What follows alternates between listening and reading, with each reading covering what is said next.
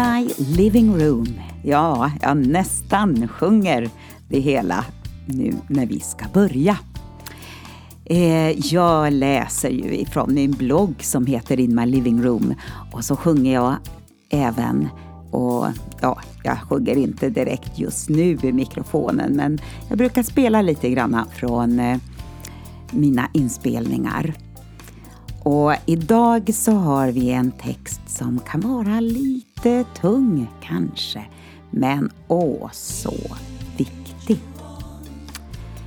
Jag hoppas att du har haft en bra dag, om det är på kvällen du lyssnar, eller så är det på morgonen och jag önskar dig en riktigt, riktigt bra dag.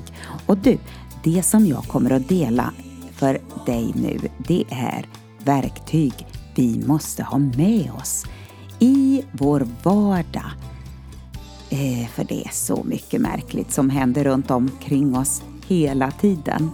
Och då tror jag att vi behöver en ande av urskiljning.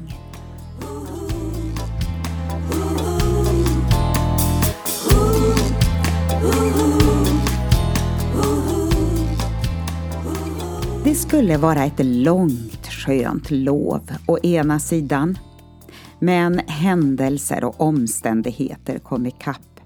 Gäller att vara beredd och dagligen ta på sig vapenrustningen. Vi lever i en tid när andliga verkligheter tar sig uttryck på olika sätt och där fysiska uttryck får andliga konsekvenser. Det hänger faktiskt ihop och har kopplingar som ger följdverkningar på olika sätt. Den andliga och fysiska världen. Ibland ser och förstår vi och andra gånger vandrar vi i blindo och jag ser mer och mer hur vi behöver en ande av urskiljning mitt ibland oss för att vi inte ska tappa kursen och med tiden bli bedragna. Andlig orenhet fördunklar synen och uppenbarar vart vi är på väg genom våra egna val eller vad vi tillåter oss att bli påverkade utav. I Haggai kapitel 1, där står det så här. Så säger Herren Sebaot. Lägg märke till hur det går för er ni väntade mycket, men se, det blev lite. Varför? säger Herren Sebaot. Därför att mitt hus ligger i ruiner medan ni har bråttom. Var och en med sitt eget hus.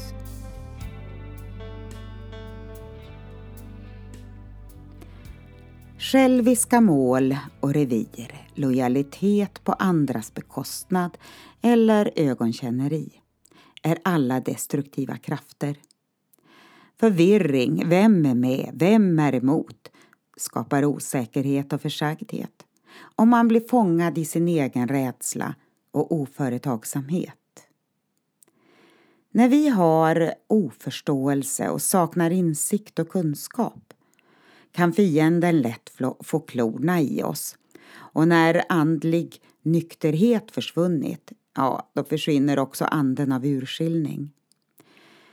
Det är därför vi måste hålla oss vakna och förstå tiden vi lever i. Osunda företeelser och läror med vidlyftiga uppenbarelser är som andliga äktenskapsbrott. Men även likgiltighet, kontroll och människofruktan bryter ner det som var tänkt att vara ett vackert penseldrag som ville måla himlens skönhet och närvaro mitt ibland oss. Byggnadsarbetarna kalkar och döljer bristerna i muren. Man går inte till rätta med synden som florerar. Och istället för att avslöja så putsar man på fasaden och eh, smicker och kanske även hyckleri finns med. Ja, det är mycket som står på spel. Och nu läser vi från Hesekiel kapitel 13. Jag ska riva ner muren som ni vitkalkade och jämna den med marken så att grunden ligger bar. Hur kan allt detta ske?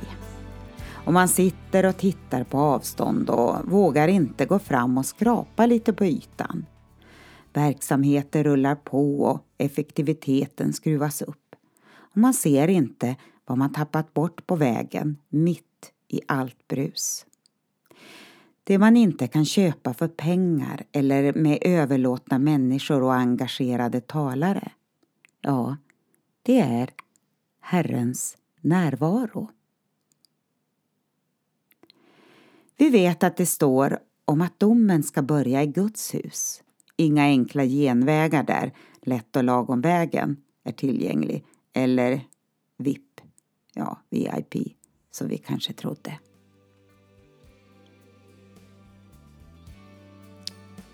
Ty tiden är inne för domen och den börjar med Guds hus. Felaktiga läror, makt och kontroll, ekonomiska oegentligheter och moraliska betänkligheter ser ut att vara näringen till de många misslyckanden som vill slå sönder Kristi kropp på många olika platser i vår tid. Inför uppenbar synd behövs det mod och vishet för att konfrontera. Dold synd är så mycket mera subtil att det vanliga ögat inte kan se den. En anda av urskiljning, ja, det är därför vi behöver det, för att få se det här i funktion i vår tid. Jag har själv gått både här och där och inte sett. Visst har det ibland känts obekvämt, osäkert och jag har anklagat mig själv att vara allt emellan oengagerad till att vara kritisk. Och skuldkänslor slår till. Nu vill det obekväma tala och ta kommando och jag tror att jag börjar förstå. Det kan nog handla om en ande av urskiljning som vi nu behöver i vår tid. Men, men först. Om vi går till rätta med oss själva ska vi inte bli dömda. Första Korinthierbrevet 11 och 31.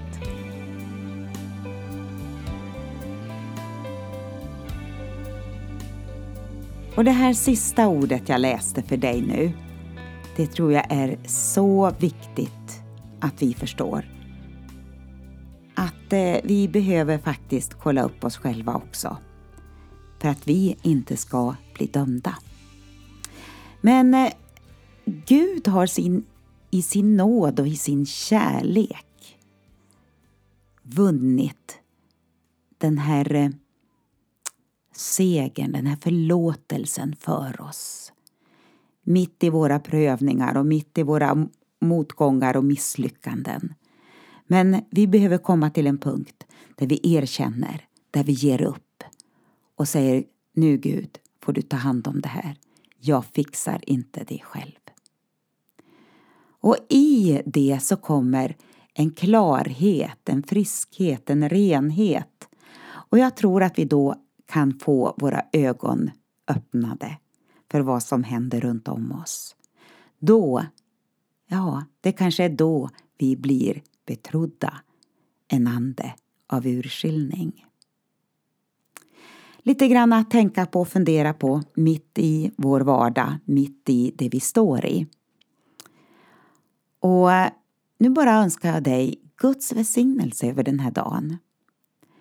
Att du ska känna att Gud, du är med mig och du vill visa mig, du vill hjälpa mig. Inte för att eh, det bara ska liksom hända saker utan därför att Gud vill vara vår kompass i livet och vår hjälp i det som vi möter. Jag önskar dig en Bra dag, Gud välsigne dig. Det var allt ifrån mig, Eleonora Lahti, in my living room. Hej då.